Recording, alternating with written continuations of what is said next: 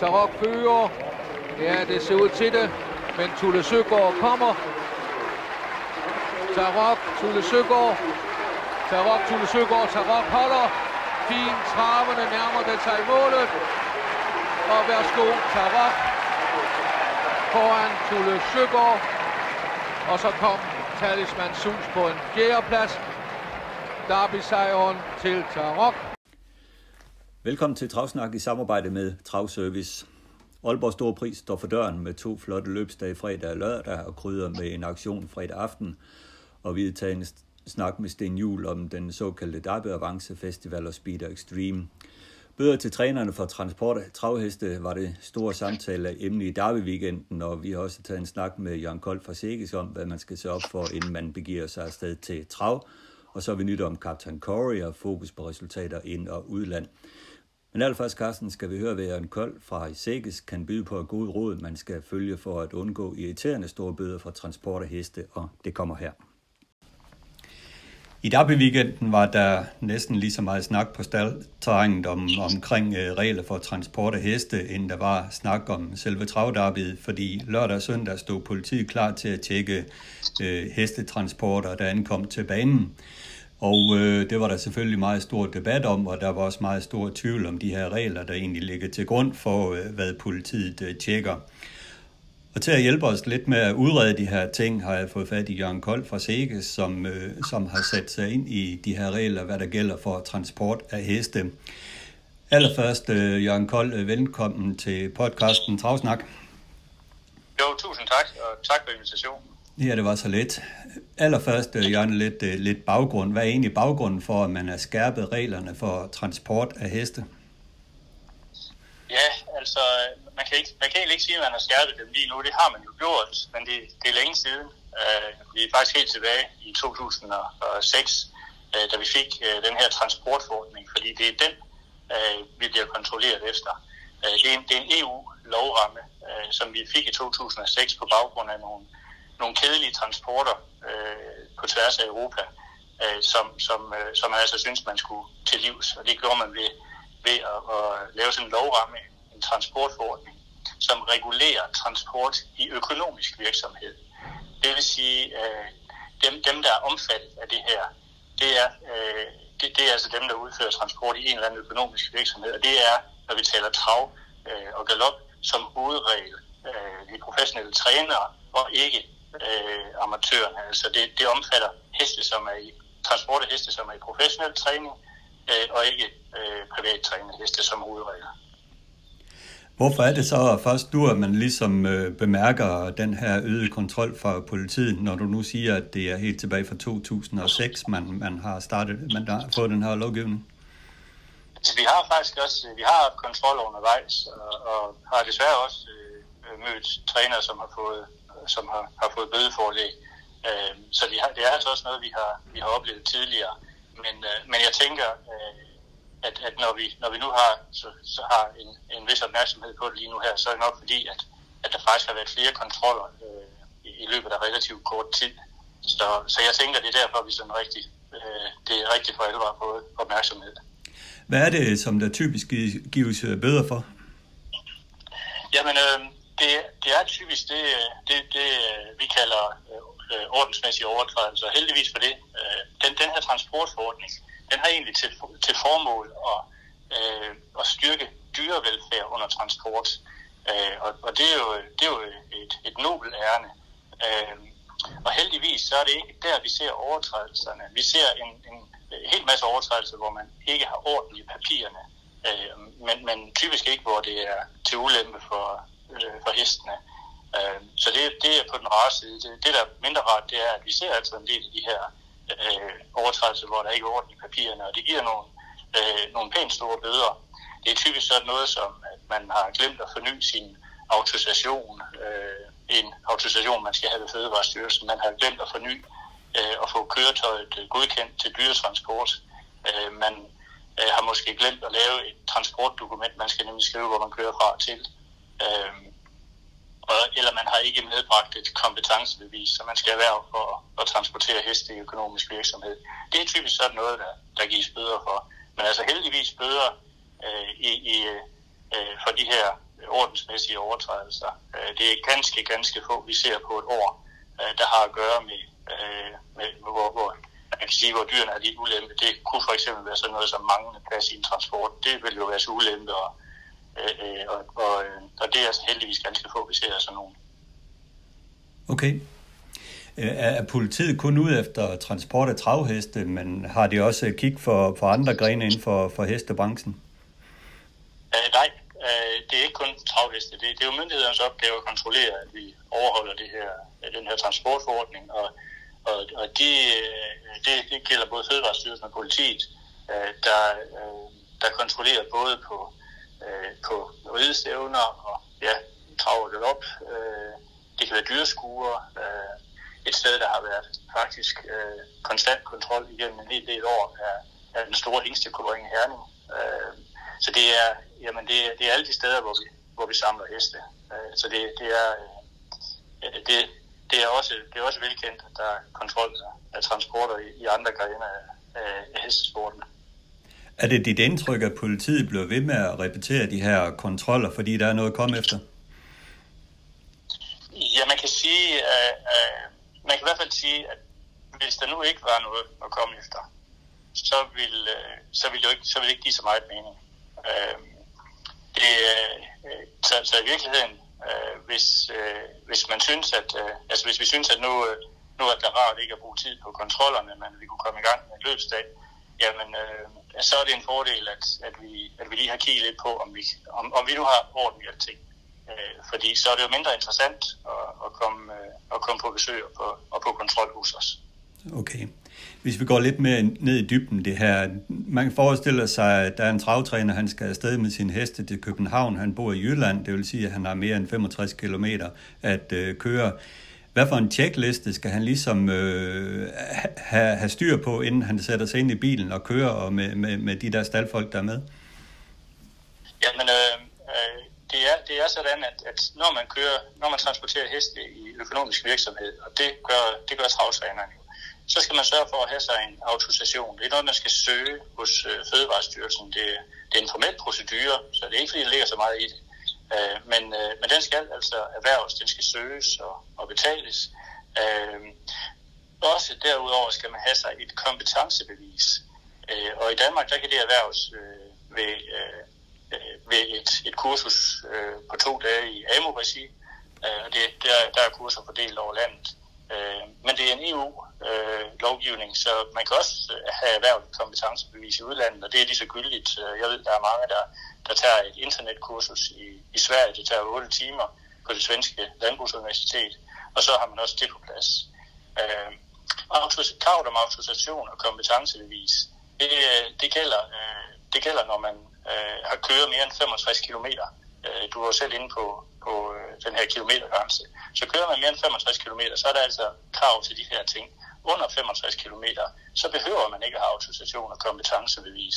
Og det er jo værd at tænke på, hvis man for eksempel har noget staldhjælp, der ikke har et kompetencebevis, og man bare skal have kørt heste på, på banen, eller, eller hvad det nu kunne være.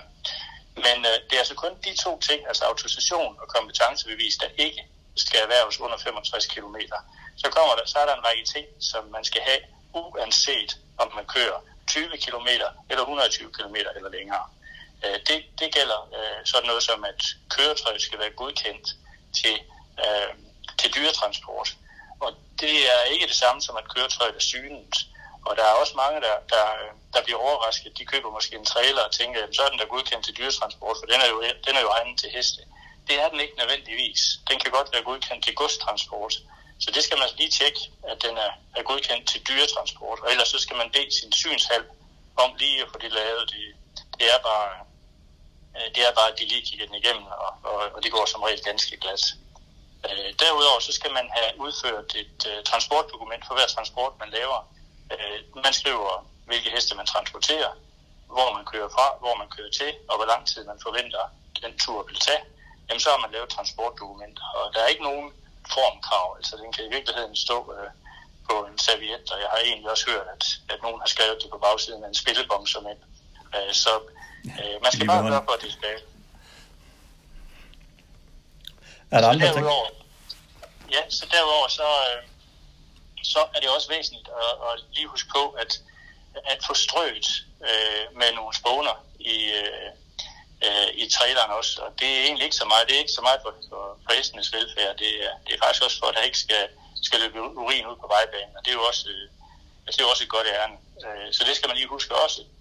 Øh, og så skal, man, øh, så skal man faktisk også huske, at øh, øh, man skal rengøre transporten mellem hver, øh, mellem hver transport. Øh, det, er, det er nyt, øh, at vi har set, at, at, øh, at det har myndighederne øh, præciseret, øh, også med bødeforlæg. Øh, og, øh, øh, og det er værd lige at, at huske på at få gjort. Det sidste, jeg lige vil nævne også, det er, at vi, øh, at vi også skal huske, at øh, løse genstande inde i transporten, det er ikke nogen god idé. Vi, øh, eller ikke bare ikke nogen god idé, hvor vi ikke have. Alt udstyr skal være fastgjort. Så hvis man vil have udstyr med i transporten, så, øh, jamen, så må man fastgøre et, et skab eller fastgøre det på anden vis. Der, der må altså ikke være løse genstande i, i transporten. Okay, meget, meget nyttig information her. Øh, hvis vi ser nærmere på de her meget populære tohestes transporter, der er der nogle træner, der har fået bøde for, for overskride, øh, eller jeg ved ikke, om man har fået bøde, men i hvert fald, øh, der er en vægtgrænse her, som man skal være meget opmærksom på, hvis politiet er ude med, med en vægt og veje transporter. Ja, det er rigtigt. Øh, jeg har faktisk også hørt, at der er udskrevet øh, bødeforlæg på det, øh, på det grundlag, og og der, der, er det jo, der er det jo væsentligt, at man lige tjekker op på sin transport og ser, hvor, hvor meget må egentlig køre med. Og, øh, og det kan faktisk også snyde lidt, fordi øh, det er jo ikke sikkert, at man lige tænker over, at når man nu har transporten og ser på, på transportens øh, registreringsattest, jamen, så skal man lige huske at lægge, at lægge den vægt til, jamen man selv vejer, og eventuelt hvis man har øh, ledsager med. Øh, man skal lægge vægt til for brændstof. Øh, der kan være noget udstyr, der skal med. Og så kan det godt løbe derhen, at så har man måske ikke mulighed for at køre med to heste i de her transporter, du, du, øh, du spørger om. Jamen, så er det måske to ponyer. Så, øh, så lidt væsentligt, at man lige får tjekket op på det og får set, hvad, hvad har jeg egentlig mulighed for lige i helt konkret den transport, jeg nu har erhvervet mig. Så der må man ind og kigge på papirerne og se, hvad den er vejet ind med, og så, så tage, tage sin forholdsregel ud for det, eller hvad? Ja, simpelthen. Se, hvad er det egentlig, jeg må køre med her? Der har også været lidt debat omkring de her fartskriver, i hvil, under hvilke forhold der skal være fartskriver i de her turister transporter, øh, og det er også noget, du har kigget lidt ind i. Ja, det er også, øh, det er også øh, Øh, relativt nyt, at vi, øh, at vi hører, det, det spørger man også ind til. Øh, det, er, det er ikke sådan lige vores ekspertise. Vi, øh, vi har jo hos, hos Sikkes har vi jo, øh, har vi jo vores forstand på, på hesten, og det, og det der vedrører det, så kører hviletidsregler, det er ikke det er ikke lige det, her, vi har været eksperter i. Men, øh, men vi, har, vi har synes, at når vi nu har fået de her henvendelser, så vil vi faktisk også sætte os lidt ind i og prøve at finde ud af, hvad der er op og ned i øh, Så det er vi i fuld gang med, og vi har kontaktet Trafikstyrelsen, fordi vi vil gerne lige have en drøftelse med dem og høre, hvordan, hvordan passer det ind i den verden, øh, øh, i den hesteverden, vi nu er i, og, og hvad er reglerne, og, og øh, er det rimeligt, og, og alt det her. Øh, så det, det, er, det er egentlig, jeg taget fat i, simpelthen. Okay, så, øh, så, så her må øh, de, de ansvarlige trænere, der kører med heste og så videre, øh, måske også selv øh, gøre lidt for at undersøge, hvordan det forholder sig, så man er helt sikker. Ja, sådan lige første omgang, og, og når, vi nu, øh, når vi nu synes, at, at vi ved nok, øh, jamen så kommer vi også ud og fortæller, hvad, hvordan, hvordan vi egentlig synes, at, at, at man kan forholde sig med øh, på en fornuftig måde til det her. Fordi det, det væsentlige er jo, at man ikke, øh, at man ikke øh, kører med, med risiko for at få, få bøder. Øh, man, må, man må sørge for at, blive, øh, og, og gøre alt, hvad man kan for at holde sig inden for lovrammerne. Ja. Så har der også været lidt usikkerhed omkring de her passagerer, der er med i sådan en uh, hestetransporter. Øh, men der er det sådan, at øh, som jeg forstår det, så er det kun de, der er med i, i transporteren, der har med hesten at gøre, der behøver kompetencebevis. Øvrige passagerer må gerne være med. Det er fuldstændig rigtigt. Øh, man må meget gerne have passagerer med i, i, i henhold til transportforordningen. Der er ikke noget problem med, med at tage passagerer med, men, men øh, alle, der på en eller anden måde tager del i transporten af en hest, øh, skal have et, et kompetencebevis, hvis det er, er en hest, der transporteres i økonomisk virksomhed. Og det vil sige, det kan være den, der trækker hesten på øh, transporten, der læser den af. Det kan være chaufføren, det kan være en, der vander, øh, men, men at man kører med og sidder og hygger sig med træneren og snakker om chancer og spil til eftermiddagen, det er helt ok. Det er slet ikke noget problem i. Mm. Øh, men, men altså, øh, tager man først del i transporten, så skal man have et kompetencebevis. Nu, nu taler vi meget om de her professionelle trænere og, og deres transport af hesten, men hvad gælder egentlig for en almindelig amatør, som øh, kører med sine heste til trav? Gælder det også samme regler for ham? Jamen, øh, øh, amatørtrænere, øh, når, når hesten er i privat træning, så øh, er som hovedregel, så er den ikke i et øh, økonomisk, øh, i, så er det ikke en transport i økonomisk virksomhed. Og, øh, og derfor så er det ikke under transportforordningen. Så alle de her, øh, alt det her, jeg lige har listet op, jamen så er det ikke noget, man skal leve op til. Det er jo ikke, fordi man slet ikke skal leve op til noget. Øh, man skal stadigvæk, øh, ja, man skal øh, væsentligt nok huske, øh, huske hestenes pas, for de skal altid følge hesten. Øh, vi anbefaler også, at man, øh, at man strøger, at man lige strøger med nogle skåner, øh, og, og det er jo som sagt af hensyn til, øh, at man ikke får urin på vejbanen. Øh, og i det hele taget, så, så skal man opfylde det, der hedder beskyttelse af dyr under transport, den, øh, den bekendtgørelse. Og den, men det er, det er sund fornuft. Der er ikke noget, øh, øh, der, der ser vi ikke rigtig nogen sager, fordi det er faktisk sund fornuft, og vi, jeg var også lidt inde på det, vi, vi transporterer jo hesten generelt på en, en rigtig fornuftig måde. Øh, der hvor vi ser øh, de her overtrædelser, jamen det er, det, det er ordensmæssigt. Det er noget, der ikke er orden i, i papirerne. Øh, så, så hos amatører, øh, træner, og det kan også være private rytter osv., der ser vi ikke rigtig nogen, øh, nogen bødeforlæg. Okay, afslutningsvis, øh, Jørgen. Øh, tror du, at politiet fortsat øh, vil have et øh, ekstra øje på, på travfolket? det er jo virkelig svært at, at, at spå om, men, øh, men jeg tænker egentlig, som vi også var lidt inde på, at hvis, øh, øh, hvis, hvis vi har så godt orden som muligt i de her ting, øh, så, øh, jamen, jamen så, øh, så tror jeg da, at, øh, at det bliver mindre interessant at besøge netop Travl Opbaner, så kan det være, at man, øh, at, øh, at man retter sin interesse andre steder hen. Så, øh, så jeg tænker, det er det, det, er det, øh, øh det, det, er det fokus skal være på. Okay. Og er der spørgsmål til det her, så er jeg da også sikker på, at folk er meget velkomne til at kontakte dig. Det tror jeg også, de har gjort. Det er helt sikkert, at ja, ja, vi, vi, øh, vi taler med, med mange, der ringer og spørger os. Øh, og, øh, og, så særligt når der opstår nye, øh, nye områder, hvor man bliver kontrolleret. Nu nævnte jeg lige det her omkring, øh, omkring rengøring. Det er jo et nyt område, der er blevet fokus på. Og, øh, og der er de faktisk øh, fagligt ikke helt enige. Øh, med kontrollerne og har ønsket, at, øh, at øh, domstolene øh, får kigget på det og, øh, og får taget stilling øh, til, for det man kan sige, at der skal rengøres øh, efter hver transport, det, det er helt, øh, det, det, det står der klart og tydeligt. Men det er jo subjektivt, øh, hvorvidt en rengøring er tilstrækkelig eller ej. Og der hjælper vi altså også nogen med at lige få, øh, få fundet ud af, hvad er tilstrækkelig rengøring. Øh, så det kan, det, kan, det kan være en god idé at, at slå på, på tråden til os. Det er ikke altid, vi kan svare, men så kan det være, at vi kan hjælpe med at få et svar, for eksempel ved afgørelser ved domstolene. Øh, men altså, man kommer til at ringe og, og, og få lidt vejledning. Øh, og, og, øh, og vi kan altid, det, både øh, jeg og min kollega kan fanges på, på 87 40 50 00, øh, og så skal vi nok hjælpe efter allerbedste evne. Det lyder rigtig godt, og jeg er også sikker på, at du har hjulpet rigtig mange øh, et stykke på vejen med, med den her snak, vi har haft her. Der kommer også en artikel på Travservice om, omkring dette. Så øh, Jørgen, tusind tak for, for snakken. Jamen, øh, det var så lidt. Og Carsten, vi har hørt øh, Jørgen Kold fortælle om, om, omkring det her med transport af heste, og du har skrevet en, en artikel om øh, samme, og vi har jo begge to følt øh, det her med, at øh, der var nogle ting, der skulle ud om, omkring det her med transport af heste efter det, vi oplevede i Derby-weekenden, fordi jeg tror, jeg er sikker på, at du hørte meget om det. Jeg hørte særdeles også meget om det på staldterrækken blandt trænere og så videre, at øh, der var stor irritation om, omkring den her kontrol for politiet. Ja, øh, og det har der jo været ikke kun i forbindelse med derby weekend, men det har der jo været flere gange. Men, men omvendt, så må vi jo så også sige, når politiet kommer, og de fanger nogen, som ikke overholder reglerne, så bliver de jo selvfølgelig ved med at komme igen. Og, og det er altså cirka 60 personer, som vi taler om i det her, øh, som er målgruppen for, hvad skal vi sige, for, for, for politiet, nemlig med, med de her professionelle transporter. Øh, så så det, jeg ved ikke, om det er sløseri med, eller også er det ukendskab, men, men man, man burde jo nok øh, fra de professionelle træners side forsøge at sætte sig mere ind i, i, øh, i, i sagerne, fordi det er, der er ærgerlige penge at komme af med.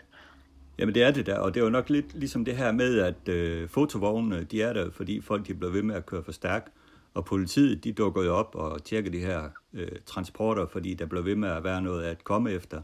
Og vi laver jo også det her i forventning om, øh, og en formodning om, at politiet også øh, er til stede øh, her i Aalborg her i weekenden øh, med kontrol af hesttransporter. Det, det, det tror vi da. Ja, og, og så virker det jo altså også som om, at der er en nidkærhed ved, ved ordensmagten. Øh, vi hørte jo med, at, øh, at der var nogen, der har fået bød for, at, at, øh, Øh, at hesttransport ikke var ordentligt rengjort. Ja, okay, men så giv dem dog en advarsel første gang, så kan de få en bøde anden gang hvis det er, hvis det forholder sig sådan, og hvis det var anden gang, jamen så er det i orden, at man får en bøde. Men øh, lad os håbe, at øh, nu har vi sat fokus på det her. Vi har sat fokus på det på travservice.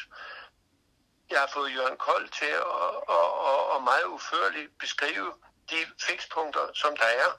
Så, så nu findes der faktisk ikke rigtig nogen undskyldning for, at der er nogen, der skal få bøder mere. Men ellers er det jo Aalborgs store pris øh, weekend, øh, vi, vi ser frem imod her i øh, fredag og lørdag med virkelig fine løb på programmet. Fredag med aktionsløb, og vi har Aalborgs store pris øh, og så er der jo lørdagens Aalborgs Aalborg Store Pris, det man kalder for Derby-avancen. Ellers er det jo et løb, som man kalder for Derby-avancen, og jeg har jo taget en, en snak med Sten Juhl omkring det her Aalborg Store Pris og Derby-avancen, og øh, netop det her med at det bliver kaldt Derby-avancen, har han øh, visse synspunkter på, og øh, I får interviewet her. Sten Juhl, vi skal have en lille snak om øh, Aalborgs store pris, og øh, Sten, for 31 år siden, der vandt du løbet første gang, af i alt 10 gange med øh, Copperfield i 1980. Vindertid 24-5. Husker du den sejr? Øh, nej, ikke, ikke som sådan gør jeg ikke øh, løbsafvikling. Det, det, det gør jeg ikke. Nej, men øh, Copperfield var jo for mig øh, en af mine første store, øh, rigtige øh, stjerneheste. Øh, og øh, tabte jo på gangen der til Kjantepit, men fik jo så dig ved avance, kan man sige, i Aalborg. Jamen, det er rigtigt, og øh, dengang var det jo, øh, eller på den tid, var det jo en rigtig derby-revanche. Der var det jo fra, fra, fra, fra derby-hesten øh, stort set, øh, i hvert fald for danske heste. Nu er det jo blevet devalueret lidt og kalde det på, for en derby-revanche nu, og det, det, det er jo helt forkert. Men øh, det er Aalborgs store pris, og det er sådan proportionen er nu, og det har de valgt jo, ikke også? Jeg synes jo, det er synd, men det, det, det er så forskelligt, hvad meningen man har om det jo. Ja, lige præcis. Og det er jo også blevet traditionelt et løb, hvor Derby-vinderen virkelig har haft øh, svært ved at finde op på Derby-sejren og vinde. Hvorfor tror du det?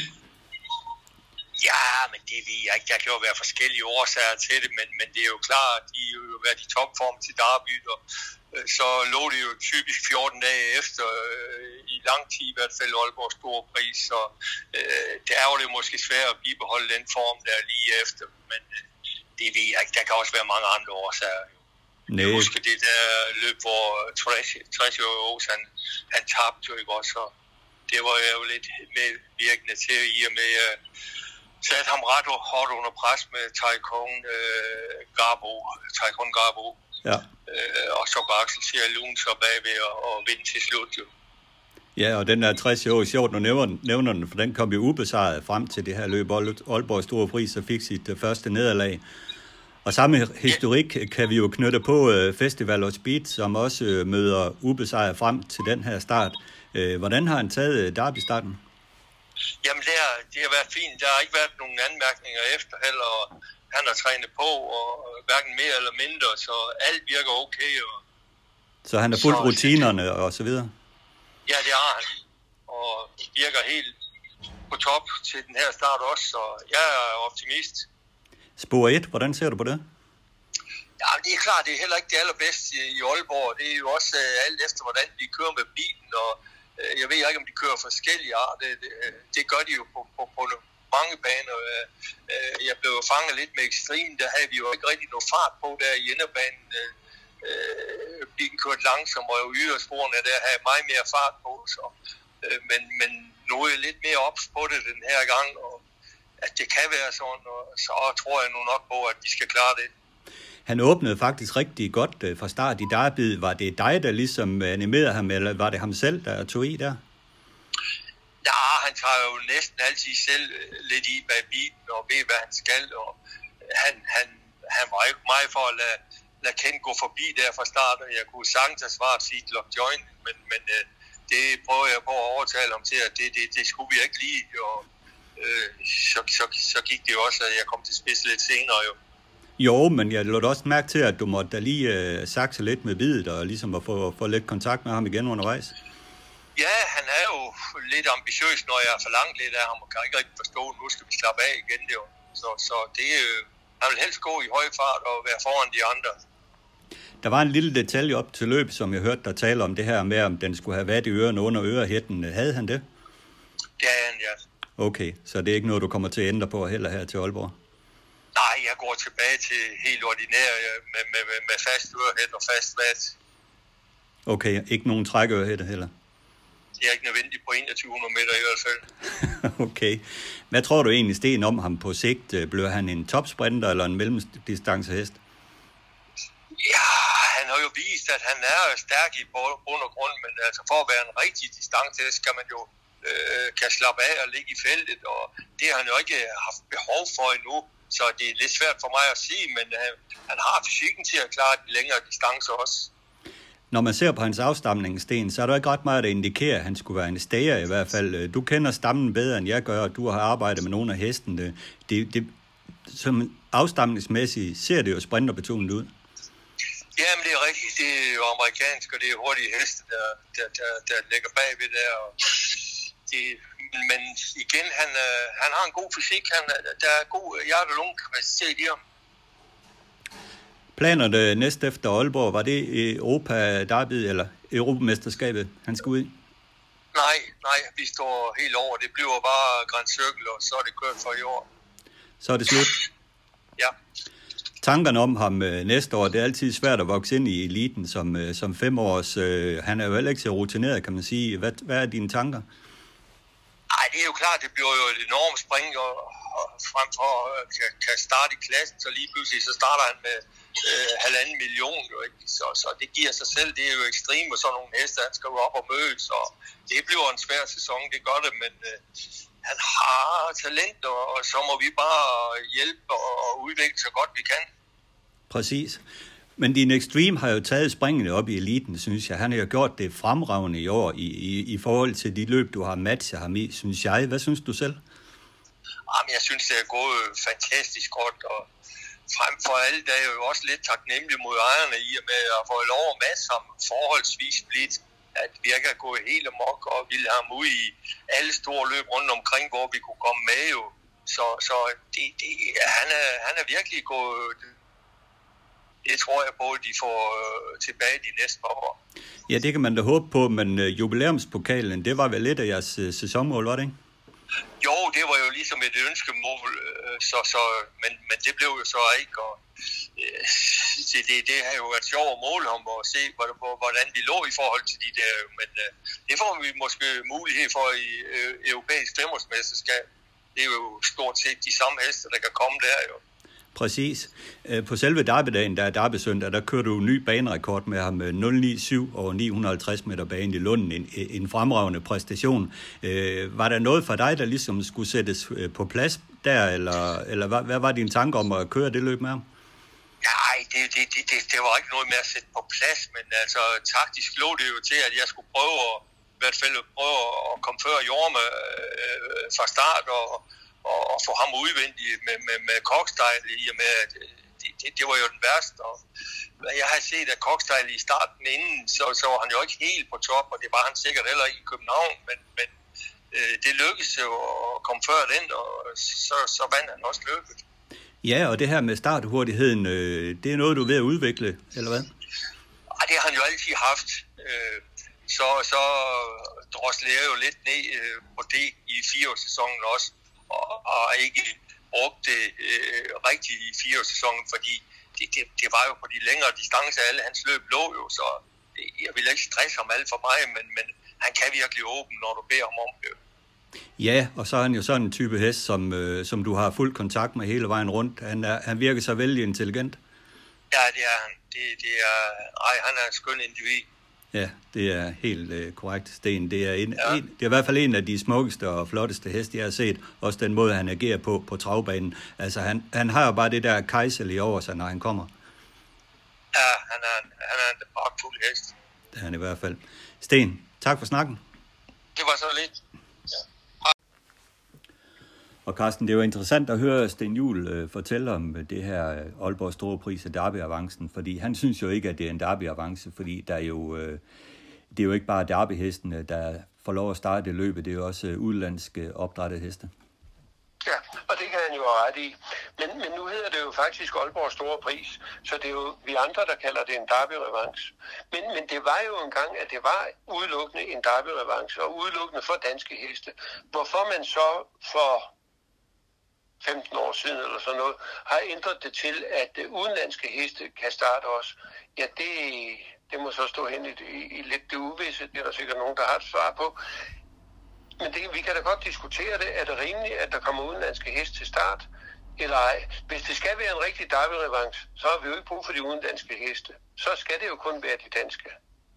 Jamen det var det, men øh, det har man jo så valgt at gøre på et eller andet tidspunkt, og jeg må helt ærligt tilstå, jeg kan simpelthen ikke huske hvorfor, men vi kan jo bare konstatere, at det er en del år siden, at øh, de udenlandske heste fik lov at starte. Men det er jo det, øh, der, øh, der er der måske nogen, der synes, der gør løbet interessant, men det gør det jo også lidt interessant løb, at man jo trækker lod om øh, startsporene. Her har man jo ikke nogen startret til at øh, vælge et startspor, og det åbner jo også nogle gange øh, løbet lidt op. Men der er så til gengæld ikke så mange heste til start i årets udgave. Nogle af derby-deltagerne har faktisk valgt også at gå ud i Consolation. Jeg ved ikke, om det er respekt for Festival og Speed og de formodede amerikanere, der er til start, men der er jo blot ni heste til start i årets udgave. Øh, nej, der kommer kun ni heste til start i, i øh, Aalborg Store Pris. Øh, men øh, Festival og Speed, han har nummer et. Og øh, ja, han er gået til, det er start nummer 13, og 13 det kan jo være et uheldigt tal for nogen. Der er også nogen, der betragter det som et heldigt tal. Øh, sidst vi havde en ubesejret derbyvinder til start, det var i... Det var det, du kunne. ja, det var i 1995 med Trace ja. Ja, og, og den øh, fik et nederlag. Og som vi hørte Sten Juhl fortælle om, at der var han jo lidt skyldig i det, han trykkede på udvendigt med Taekwon øh, Garbo, øh, som, øh,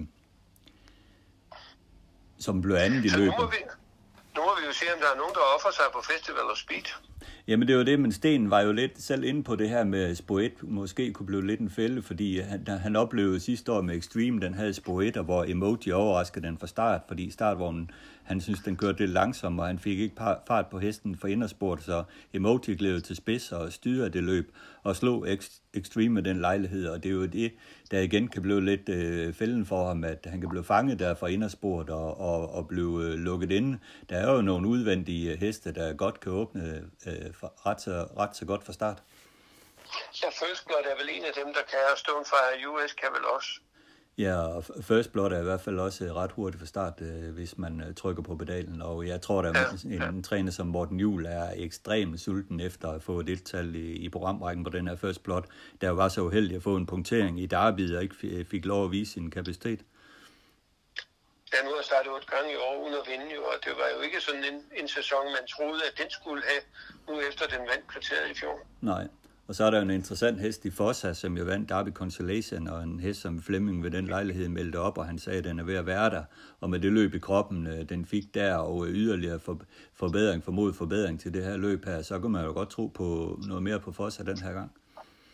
Ja, og, men, øh, ja, og, og hvis Fossa får et løb på smækken, så er den livsfarlig for en når den, er, når den fungerer.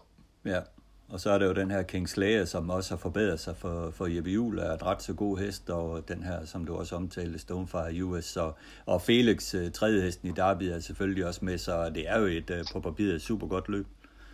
Det er et meget spændende løb, og Felix han er jo også ude efter sin første sejr ja. i år. Ja, og den kommer snart, fordi med den form, som René Jonasen har fået ham i nu her, så var det ikke længe før, at den øh, vinder løber. Hvis ikke her, så øh, er den et topemne til Grand Circle lidt senere hen på, på sæsonen.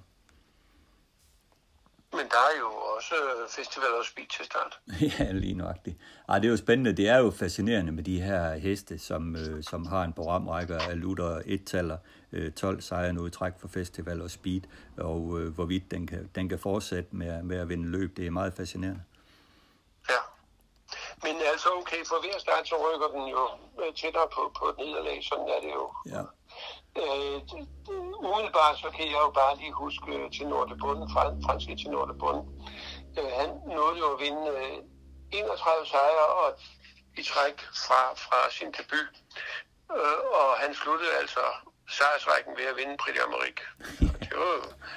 Så der er noget for festival og speed at gå efter. ja, det kan man sige. Det var i hvert fald en, en super, super fin hest, den her til Nordre Bunden. Ja. Det var det.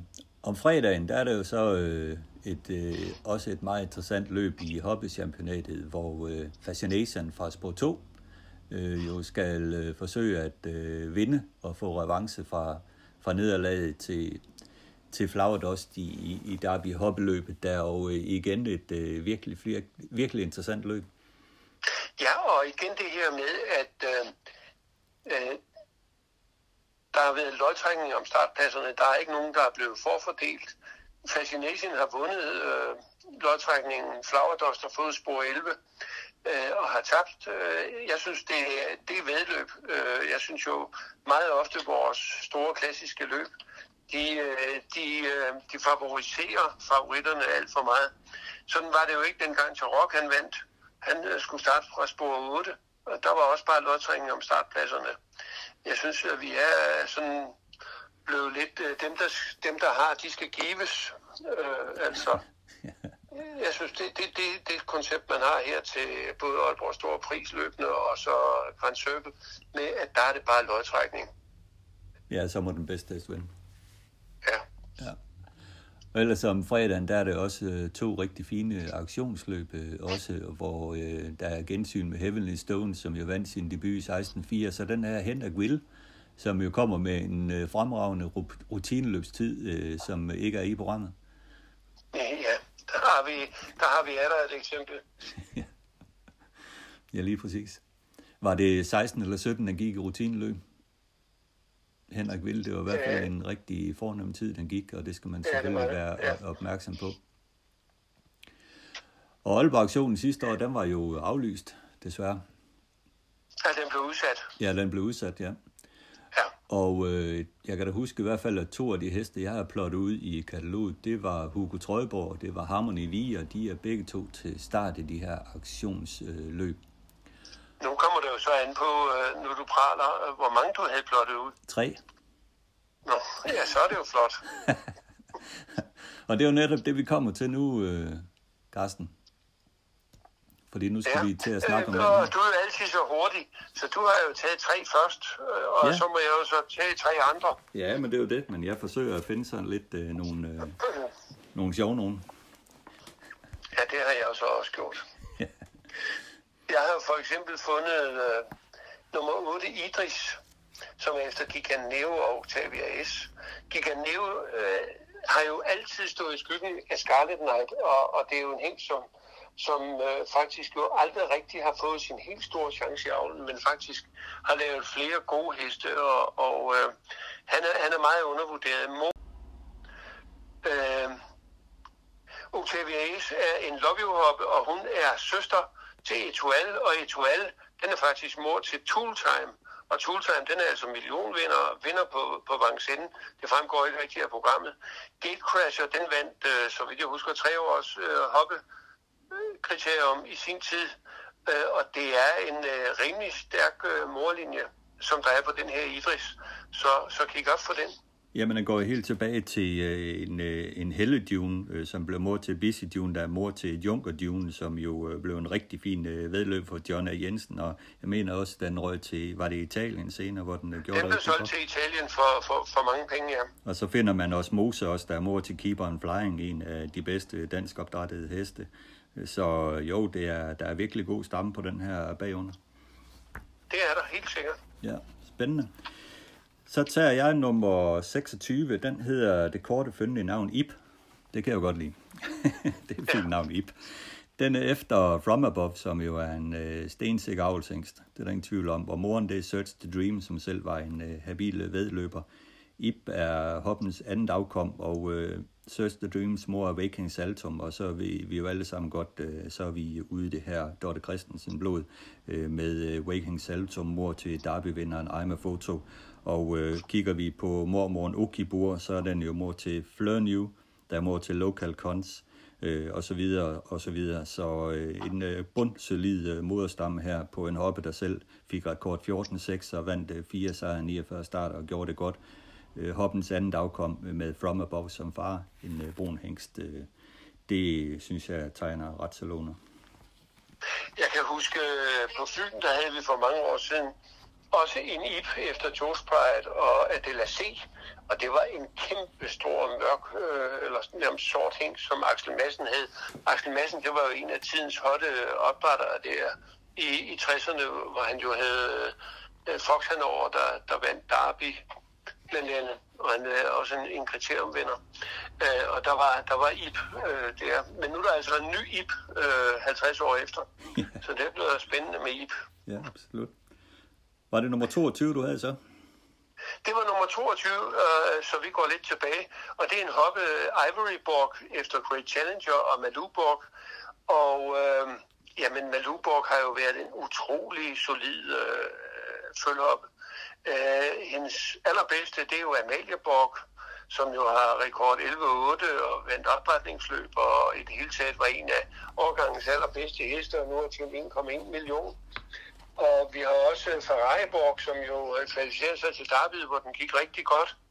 Øh, og faktisk så, normalt har jo øh, Willy Christensen og Christian Emle Ausen, de har brugt Ray Challenger meget, men de har faktisk kun brugt ham to gange til, øh, til, til, til Maluborg her, som er morgen, som jo selv var en fin vedløber også med rekord 300, med, eller med en indtjening på 383.000 kroner. Øh, og der havde de så en, der hed Vasado Vasaduborg øh, og den er aldrig kommet til start. Jeg tror, den døde som ung hest.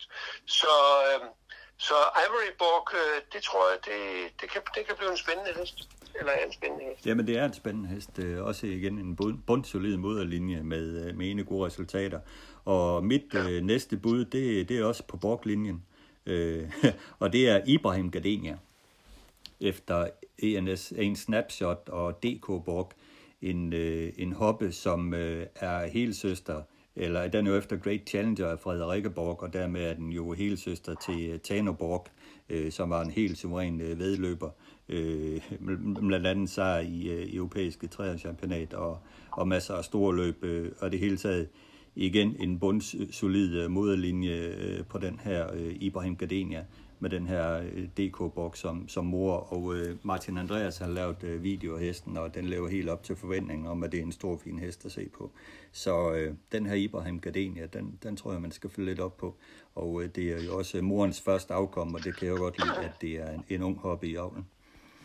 Ja. Jeg har så nummer 44, I'm a Dynamite. Der har vi øh, igen en Great Challenger på Kibo Dynamite, og det gør den jo helbror til Amazing Dynamite. Og Amazing Dynamite, der er jo tjent 1,5 millioner, som øh, var nummer 3 i Grand Circle championatet, placeret i, i kriteriet, nummer 4 i derbyprøven, eller etter i derbyprøven, og har vundet Taroks mindeløb, og, og også har vundet øh, løb i Frankrig, øh, inden den sådan gik ned, og, og jeg tror faktisk aldrig, vi kommer måske nok aldrig til at se den mere i løb rekord 10,9 og 1,5 million. Øh, der har vi altså en uh, helbror her til uh, Amazing Dynamite, uh, og den, uh, den må være meget interessant. Ja, absolut. Mit sidste bud, det er nummer 30. Det er en hest, der hedder Ikopos Bagnehøj. Det er ikke det mest mundrette navn, kan man roligt sige, men øh, jeg er faldet lidt for den, fordi at øh, på grund af moren, Tasja Bagnehøj, men den er, faren det er Gentle Tilly, et ret ubeskrevet blad, kan man roligt sige, men den er efter Super Arnie af Tikora Tilly, og til Cora Tilly efter i Cora Tilly, som jo er mor til Victory Tilly, og en bunker af gode hester, og samme stamme som øh, Calgary Games, som jo vandt øh, det svenske derby. Så blodmæssigt er Gentle Tilly helt på topfaren til den her. Men moren Tasia Bagnerhøj husker jeg jo som en ekstrem speedy hest med et enormt hurtigt fodskifte, og øh, hendes, det er Ikopos er, er først afkom efter hesten. Hun har selv rekord 12-4, tjent 218.000 og vandt 9 sejre. Og øh, jeg har set et billede af den her hest her, og den øh, ser virkelig rap ud øh, på det billede med en flot veludmiklet manke og øh, kort i kroppen, lange ben, og virker, virker virkelig til at være en øh, racermodel, den her Ikobos Bagnhøj. Og Carsten, kigger man tilbage på modellinjen, så finder vi tilbage til Gertrud Toft, og så ja. ved det jo godt, hvad ja, ja. der kommer her. Det er jo ren, ja, ren guld. Ja. Altså, Gloria GT, mor til tøjeksperten. Det er altså blodmæssigt, blodmæssigt, så har man jo øh, noget meget spændende i den her Ikopus Bagnhøj, men det er nok ikke lige en, at de fleste falder over med det samme, fordi at Gentle Tilly, hvad er det? Jamen lige nøjagtigt, men hvis, hvis man kigger på, ja. på blodet, der er i den her ja, hest der, så, så finder man jo noget fuldstændig vildt. Altså, Gertrud ja. Toft, det er også uh, mormors mor, der, eller hun er jo mor til Rotari, der, der er mor til EKGT, der er mor til uh, Remington Crown, vinder 22 millioner kroner, en af de bedste heste ever opdrettet i Sverige med, med dansk blod i kroppen, så det er ren guld. Det er det faktisk, men øh, det bliver meget spændende at, at se individet og også hvor stor interesse der vil være for den. Jamen, bestemt. Og øh, jeg synes jo, efter, efter jeg lige bladrer kataloget igennem første gang, så tænkte jeg, der er måske ikke så meget at komme efter, men når man lige får nærlæst kataloget og kigger lidt på det igen, så er der jo faktisk øh, virkelig fine emner i, øh, i, i, i kataloget.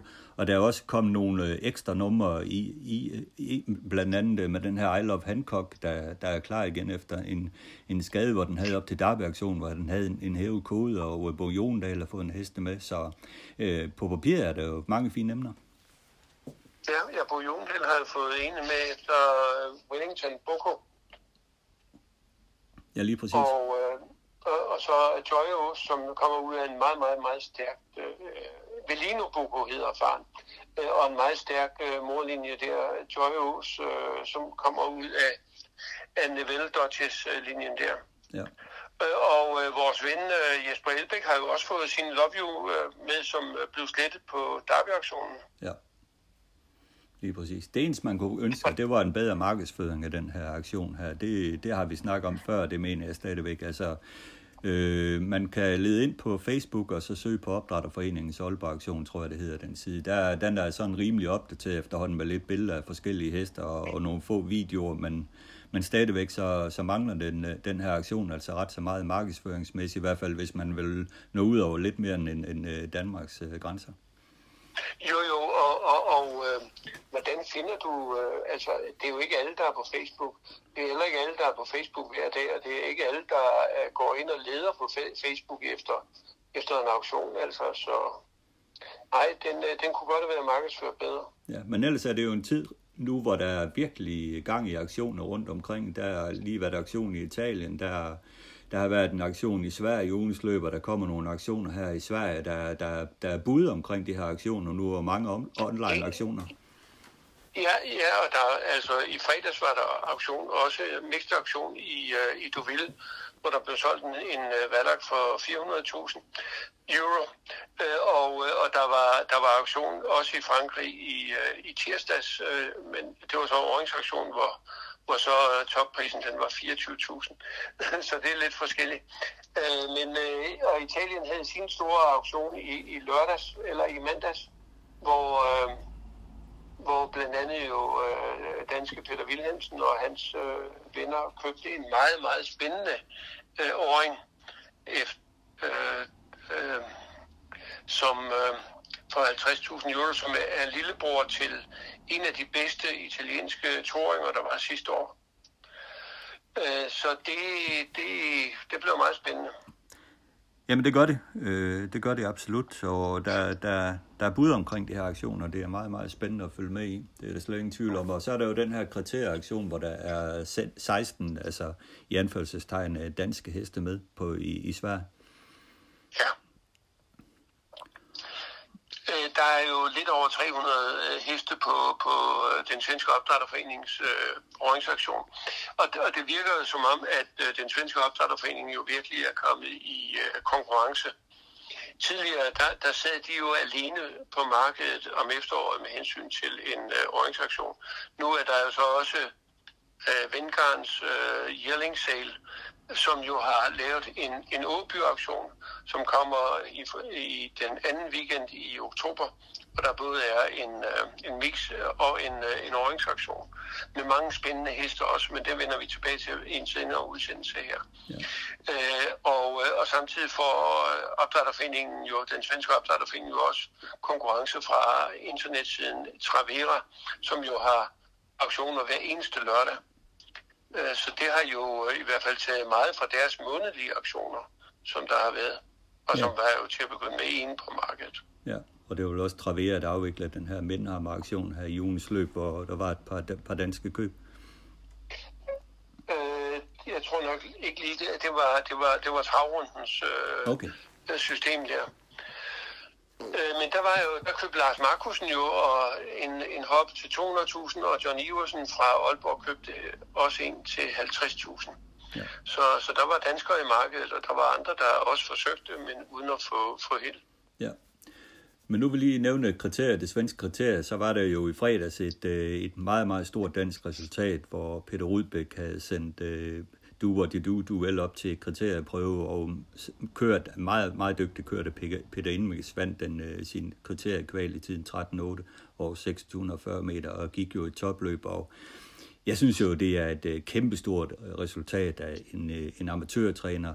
Ja, Peter Rudbæk, jeg kalder ham amatørtræner nok så meget sagt, fordi han har jo en enorm professionel tilgang til tingene, men, men han gør det rigtig godt, og, øh, og det er kvalificere en hest til det svenske kriterie, det er meget stort det er virkelig stort, og, og det er jo glædeligt, at øh, Peter, Peter Rudbæk efter mange trængsler i, i nogle år virkelig har fået gang i sit øh, materiale. Ikke blot Do What You Do, Do Well, men også øh, Howling of the Moon, Toringen, som jo i, går aftes, altså to, øh, onsdag aften, øh, besatte en tredjeplads i 1.14.7, øh, og dermed er den hurtigste danske toåring hidtil i år.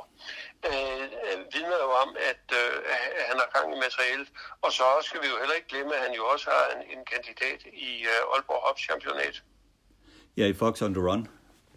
Ja. Som øh, jo gør den her start så Grand Circle, og så er det ellers i Javlsboksen med hende, går der forlyden om. Så jo, det, det triller på for, for Peter Udbæk i, i øjeblikket, og øh, det er øvrigt Jeppe Juhl, som øh, er engageret til at køre du og de du, du vel i det svenske kriterie. Ja, og det kører jo den 25. september på Solvalla. Ja, lige præcis. Og det bliver virkelig spændende at følge med i. Men ellers, øh, omtalte jo sidste gang øh, problemer i USA med Captain Corey, der var halvt efter den seneste start, og øh, der har jo været mange øh, gissninger omkring det her, hvad, hvad skaden egentlig gik ud på, fordi at øh, stallen holdte kortene tæt ind til kroppen, men øh, i en podcast, som jeg lytter ofte på, Our View, øh, kom det frem, at øh, den simpelthen var blevet hovøm. Man frygtede jo, at den, et hovbens brud og så videre, det var den undersøgt for og så videre, men efter tre starter uden sko var Captain Corey ganske enkelt blevet hovøm og det var det, der gjorde, at den var halvt efter løbet. Så der er store forhåbninger om, at den bliver klar igen og kommer ud i det her Kentucky Futurity på Red Mile her i oktober måned. Et øh, løb, som vi øh, selvfølgelig ser meget frem til. Svenstedt kan jo være heldig, at han ikke er, er træner i Sverige, fordi øh, hvis, når du nu siger hovhjem, så vil det sige, at den er tyndsålet, og så er den måske blødt fra, fra hoven, når den er kommet i, i, stald efter den seneste start. Og så havde han jo stået til jul og stejler i Sverige. ja, det var det. Så, men øh, i hvert fald glædeligt, at det, det ikke var noget alvorligt med den her kaptajn Corey. Ja, ja. ja. Men ellers øh, har jeg også øh, set lidt touring i USA, og øh, der er især et par valner touringer, som jeg har set mig varm på. I særdeleshed en, det her Venerable, som jeg ved ikke, om du har set den, Karsten, men den vandt senest på Mohawk, og øh, det er i hvert fald en af de bedste touringer, jeg nogensinde har set. Sikke en hest, den her efter hoppe efter Voldner. Ja, og den har jo, den har jo endnu ikke den har ikke tabt endnu. Den har startet den syv gange. ikke tabt den. Ja. ja, startet syv gange og, og syv sejre, og ja. øh, de seneste to øh, har den været fuldstændig flyvende og helt overlegen sine konkurrenter. Så har man mulighed for at øh, tjekke, gå ind på YouTube og finde nogle videoer med, med en af Venerable, så synes jeg, man skal gøre det blandt hængsten er det King of the North, som er dominerende. Det er en hængst, der går med travhubelser hele muligheden og, og ser ud som om, at den er på krogen hele vejen, men det er en ufattelig god fighter, den her øh, uh, Wallner hængst, der er King of the North, og, og vinder alligevel. Og, og, og på baggrund af de her to øh, uh, Wallner afkoms uh, øh, succes, Carsten, så kan vi vel godt forvente, at på de amerikanske aktioner, der bliver de her Wallner afkom, de bliver brandvarme. Det var de jo allerede sidste år, øh, og, og Wallner har jo fået nogle, også fået nogle fantastiske hopper. Det er jo ikke dårlige hopper, der, der møder til de to, du lige har nævnt. Øh, og, og han har fået gode hopper, men, men man kan jo sige, at han har så også leveret. Øh, så, så Wallner er den nye hængst. I, han, er, han er, hvad hedder det, øh, uh, Muscle Hills aftager i USA. Ingen tvivl om det. Ja, det er det i hvert fald. Så det, det er spændende at følge den her udvikling, og det er ligesom om det er, det er nogle helt andre typer end de her Muscle Hills, som vi ser. Det er jo sådan nogle snille og snille heste at se på Muscle Hill. De her Wallner heste, det er sådan nogle mere store, kraftfulde heste med en kæmpe aktion. Og, og voldsom, ja. øh, voldsom fart i kroppen, så meget, meget spændende at se. Men, men der kommer, han kommer jo efter, efter Chapter 7, som er efter Winston's Conway Legacy. Hall. Øh, Wins- Winston's Legacy, som er efter Conway Hall. Ja. Øh, og, og det er jo nogle af de, af, øh, nogle af de blodlinjer, som vi jo også har herhjemme i, i form af, Great Challenge of blandt andet. Ja, lige præcis. Det kommer ud af, af, den, af det samme blodlinjer. Ja, Ja, det er korrekt. ja. Men ellers synes jeg også, hvis vi kigger hjem på det hjemlige bredde grad, alligevel fremhæve DM i Montette blev afviklet i weekend på Fyn. Øh, desværre kun over to løb i stedet for de planlagte tre, men Karina Madsen øh, vandt øh, titlen i DM for Monté-rytter, og øh, hun er jo en, øh, en rytter, som, er, som successivt øh, forbedrer sig år til år, så det var fuldt fortjent at se hende vinde. Og i den forbindelse vil jeg da godt lige øh, øh, løfte øh, fremhæve det her Monté-løb, der køres lørdag aften i Aalborg øh, her her, her kan vi virkelig se kremen af de bedste øh, danske monté og de bedste danske Monté-ryttere i, i det løb her, 9. løb i Aalborg lørdag aften. Øh, det skal I uh, se frem til. Det bliver et uh, super godt race. Jeg, jeg kan øvrigt godt, uh, mægtig godt lide at se monté-løb her i Danmark. Jeg synes, de gør det godt. Ja. Men for lige at vende tilbage til afgørelsen i DM. Jeg synes, det var, det, det, var, det var skidt, at der kun var to afdelinger for at afgøre det her. Det, det, var, det var for hurtigt. Det tror jeg også, deltagerne synes. Der havde været mere spænding, hvis der havde været den planlagte tredje afdeling. Og det var synd, at den ikke kunne gennemføres. At der ikke kom hest nok til det. Jamen det er det, men øh, det er jo nok desværre bare sådan, at der er jo ikke, øh, i kraft af, at der ikke er særlig mange monteløb øh, herhjemme i Danmark, så er der heller ikke ret mange heste til rådighed i den der disciplin. Det hænger jo nok sammen. Ja, men så skulle man vel ikke have udskrevet det tredje, hvis man vidste det på forhånd. Nej, men det Øh, og så vidste vil man jeg så sige, ikke. måske skulle man afgøre det her DM på en anden måde, og det var jo måske over, over nogle, nogle indledende afdelinger med nogle point, og så kunne man så have lavet en, det her, altså have taget nogle point med til de her to løb. Øh, og så havde man så en endelig vinder, ikke? Ja, det kan være, man skal kigge lidt på, på reglerne til, til det Ja. næste års arrangement, så man ikke løber i det samme problem her, så man får afviklet DM kun øh, med to løb. Det kan jo synes... øh, Altså her kunne du jo have risikeret, at det havde været den rytter, der var, var blevet nummer to i begge øh, løb, der, der var blevet mester, ikke? Uden at vinde. Jo. Men sådan er det. Men i hvert fald en øh, weekend at se frem til her med, med Aalborg. Øh, stor pris Det weekend. gør vi. Ja. Det gør vi, ja. Og så lægger vi ellers op til ugens aktuelle her med BS og Dyrbær, hvor vi blandt andet øh, selvfølgelig også snakker Aalborg Store Pris. Og øh, også vender den her sag, der var i mandags øh, med den her kasse Egedal, som der var lidt øh, polemik op med. Så det får I her. Tak for det, Carsten. Selv tak.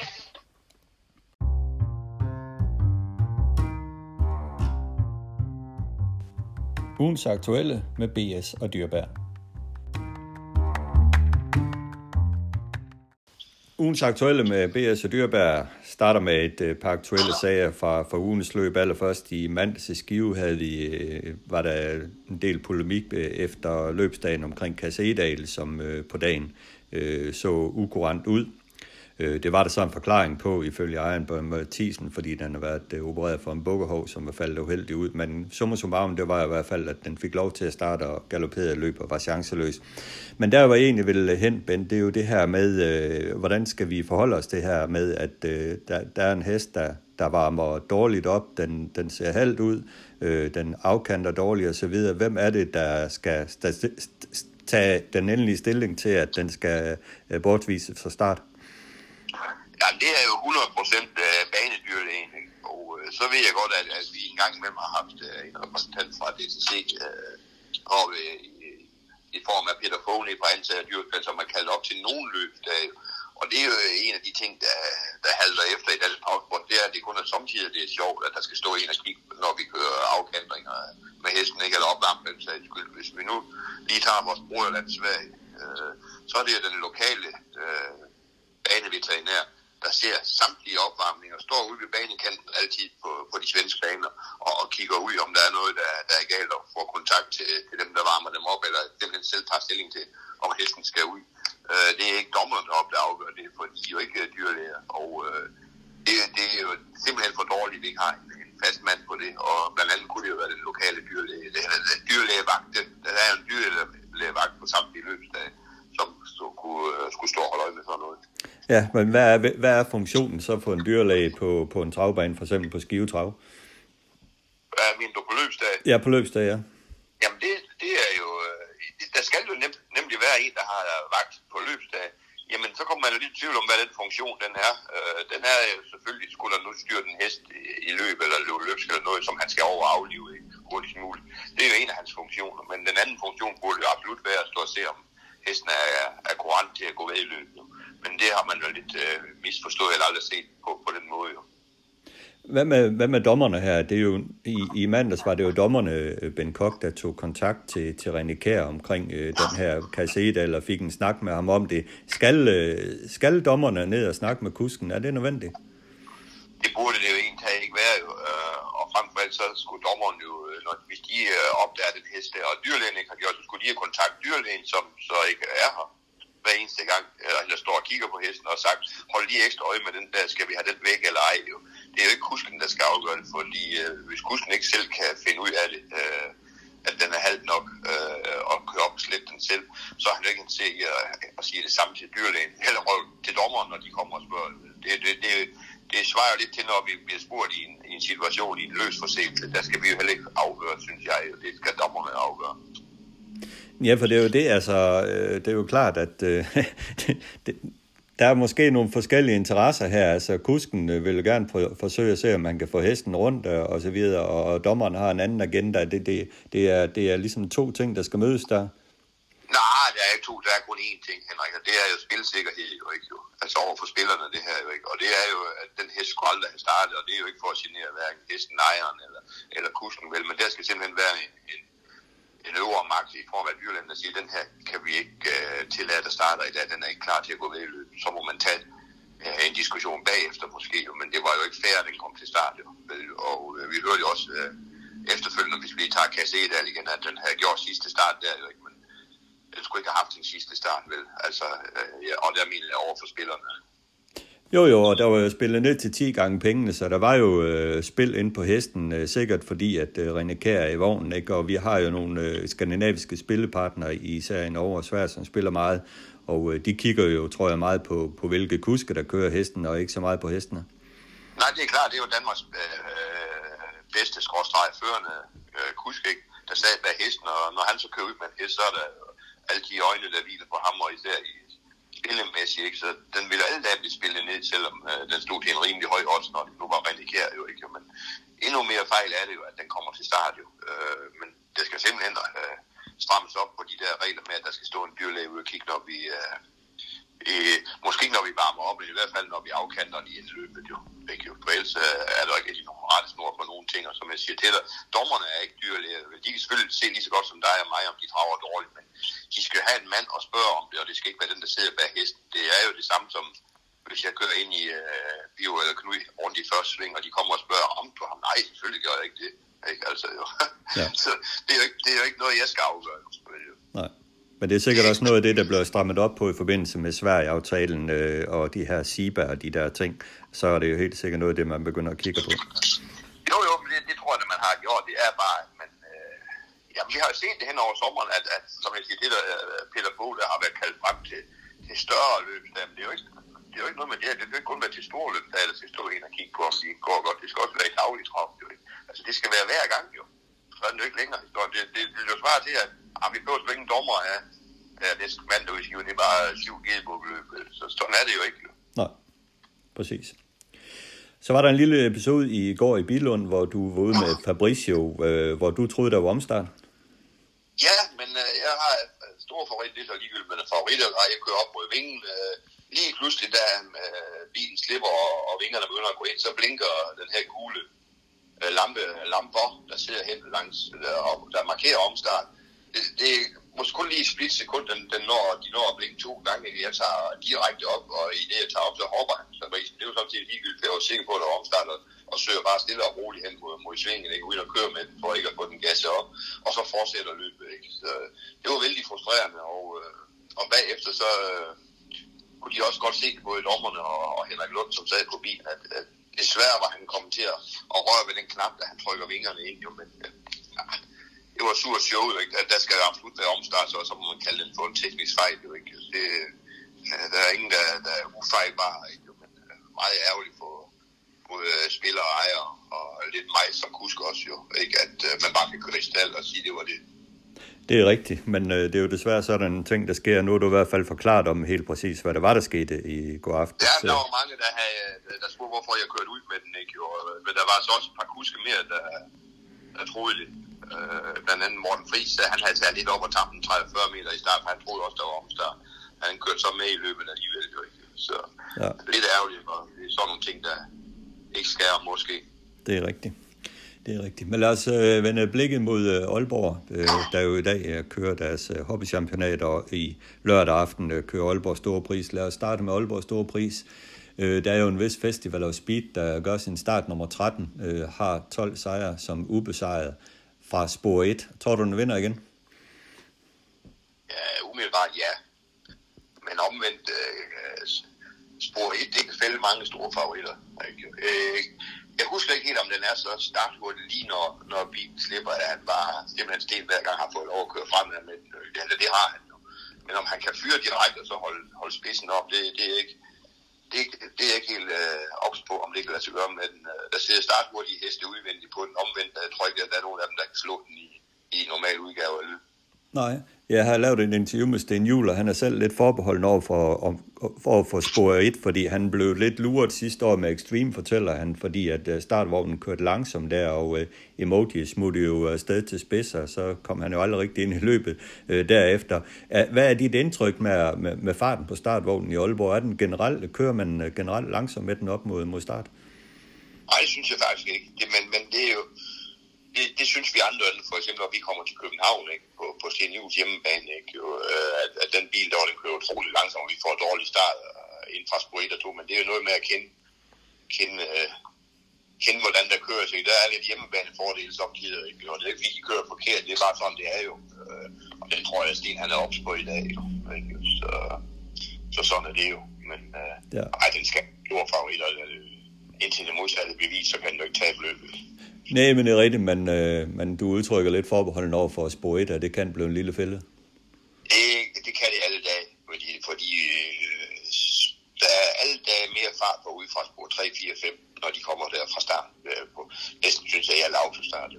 Ja, og der er jo en first slot, der... Jeg, jeg fører lige en snak med Sten Juhl i går, for jeg sagde til ham, hvorfor, hvorfor er du ikke i Aalborg i, i morgen, og det er så i dag jo. Ikke? Og så siger han, han havde den her, er det her den han har af Håkon, der kunne have været med.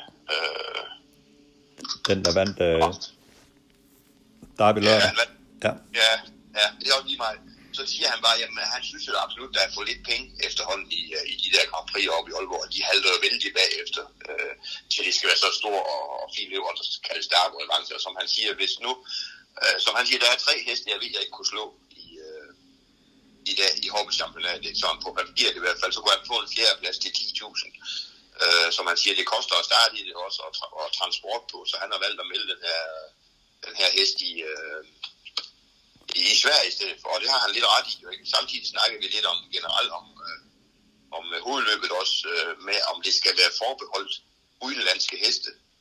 Så er det jo ingen gaberevands, som han siger. Og det har han også lidt ret i, jo, ikke? at der kan komme de her amerikaner heste, eller, eller andre gode heste, svensker eller nordmænd, jo ikke. Øh, og man skal kigge lidt på det, fordi øh, som han selv siger, han har engang vundet, øh, hvad hedder det, Aalborg, Aalborg Store Pris, det vi kalder det jo, i dag her med, øh, nu, jeg kan ikke huske, ikke, hvilken hest det var, det kunne han heller ikke selv, men med en ikke dansk hest.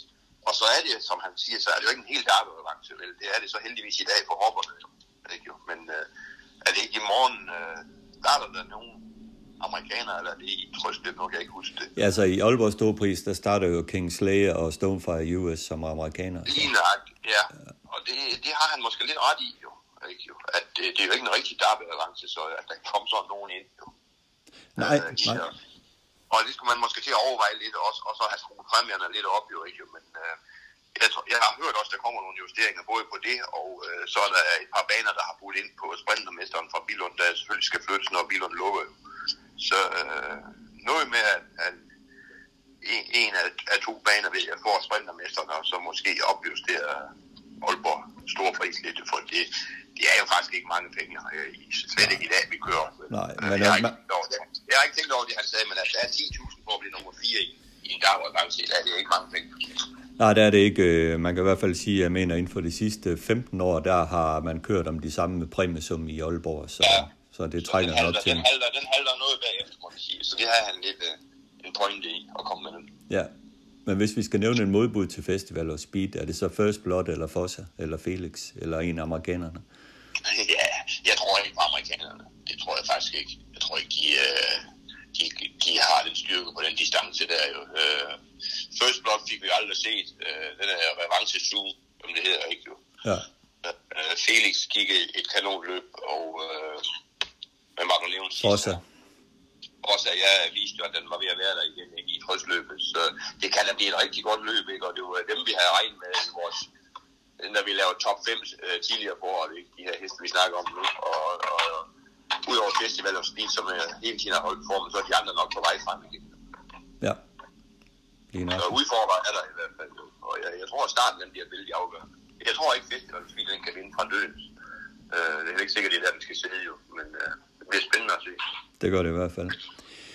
Og så er det også spørgsmål her i, i dag, om øh, Flaudost hun kan slå Fascination. Og jeg må sige, øh, jeg har kigget lidt på det. Jeg tror, det bliver svært øh, for dig at vinde det løb. Øh, jeg tror, Fascination givetvis er gået lidt frem efter løbet i København. Og du har spor 11 og kan rende ind i nogle øh, frygtelige positionsproblemer derfra. Jamen, det kan man alle dage øh, fra sådan, et, fra sådan et spor der, men de kan jo ikke blive større, end de var i, øh, i Derby, kan man sige. Jo. For der var der absolut også positionsproblemer jo. Øh, jeg ligger nu meget i, at øh, distancen er 140 meter længere. Man på en lidt mere krævende bane end Lund. Og det tror jeg, at Blaut også har mere fordel af end Fascination. Og nogle af de øvrige hopper jo. Jamen, det, det kan meget vel være. Men kan du ikke se pointen i, at Fascination kan være gået yderligere frem efter de problemer, hun har haft? Ja, og, men jeg synes ikke, den har problemer i hoppet, der er blevet mødt en bedre hest jo. Ikke? Den, Nathan i Derby, vel? Det var jo et fremragende løb, det har vi snakket om 100 gange nu jo, ikke? Og, og kommer hjem på 12 uger, ikke? Så det, det gik jo ikke dårligt. Altså, det var jo bare at tage hatten af at sige, Flavt også var, var en tand bedre jo, ikke? Øh, jeg vil da ikke håbe, den havde de helt store problemer i hvert fald, for så har du ret i, at jeg ikke kan slå. den. Jamen, det, jeg, jeg synes, den gik godt også jo, ikke jo? Øh, fordi den gik jo aldrig ned, Fascination. Havde den været syg og dårlig, eller ikke i form, så har den heller ikke holdt andenpladsen. Jo. Så jeg tror bare, min er bedst. Ja, og der er vel... Øh, Nej, jeg ved, jeg ved, min er bedst. Det er jo ikke sikkert, den vinder i dag. nej, men, men er der kun de to, der kan vinde løbet? Det er et rigtig vigtigt løb for 14 dage siden, så det er ikke som, at vi kører grejerne hjem, hvis det går galt. Nej, nej. Altså, Men der er kun de to, der kan vinde. Det var, det var, det var hoppet, der var det vandt, men det er klart, vi vil vinde i dag også. Ikke? Men der er ikke noget, der indikerer, at, at hun ikke er der i hvert fald. Men det kan blive forkert, som du siger jo. Så, Ja. Men, men øh, jeg tror, der bliver udfordret endnu mere i dag om spidsen end i hoppedarby øh, mod Fascination, fordi øh, Fiore har fået kanonspor den her gang jo. Ikke? Øh, og, og, og, hvad hedder det, Rudbæk, de skal altså ud og køre om position derude fra, selvom de nok ikke vil byde den op med det løb, som de gjorde sidste, så kan de jo ikke bare bakke af ud fra spor 7, for så sidder de jo bag ved mig jo. Ikke? Ja. Så jeg håber lidt på en endnu værre åbning, end der var i Hobbelarbeid, så kører du den sidste omgang, ligesom sidst. Jamen, det er jeg nødt til. Det kan, det kan ikke blive andre scenarier. Jeg har ingenting at gøre om for på 11. Jeg er totalt afhængig af, hvordan de udvikler sig de første øh, 500-600 meter. Ja, men det er under alle omstændigheder et øh, meget, meget spændende løb. Det er da øh, igen et mere spændende løb, synes jeg, i, i morgen med, med hovedløbet, jo ikke? Fordi de er der alle hopperne igen, jo, ikke? Og, øh, og nogle af dem er gået frem også, jo, ikke? Jeg kan høre, Morten Juhl er vældig optimistisk med, med dem og hans også, jo, ikke? Ja. Så, det bliver spændende. Vi glæder os. Vi glæder os som små børn, som Jon Lausen sagde. Præcis. Så får vi jo se, om det bliver lige så let som at tage bolcher fra småbørn, Ja, det er rigtigt. som han sagde engang. Nu kører vi på, ja. det er godt. ja, vi snakkes nu. Ja, hej. Tak fordi du tog dig tid til at lytte til Travsnak i samarbejde med Travservice. Har du input, idéer, kritik, ros, ja hvad som helst til podcasten, så giv mig en mail på adressen henrikdyrberg gmail.com.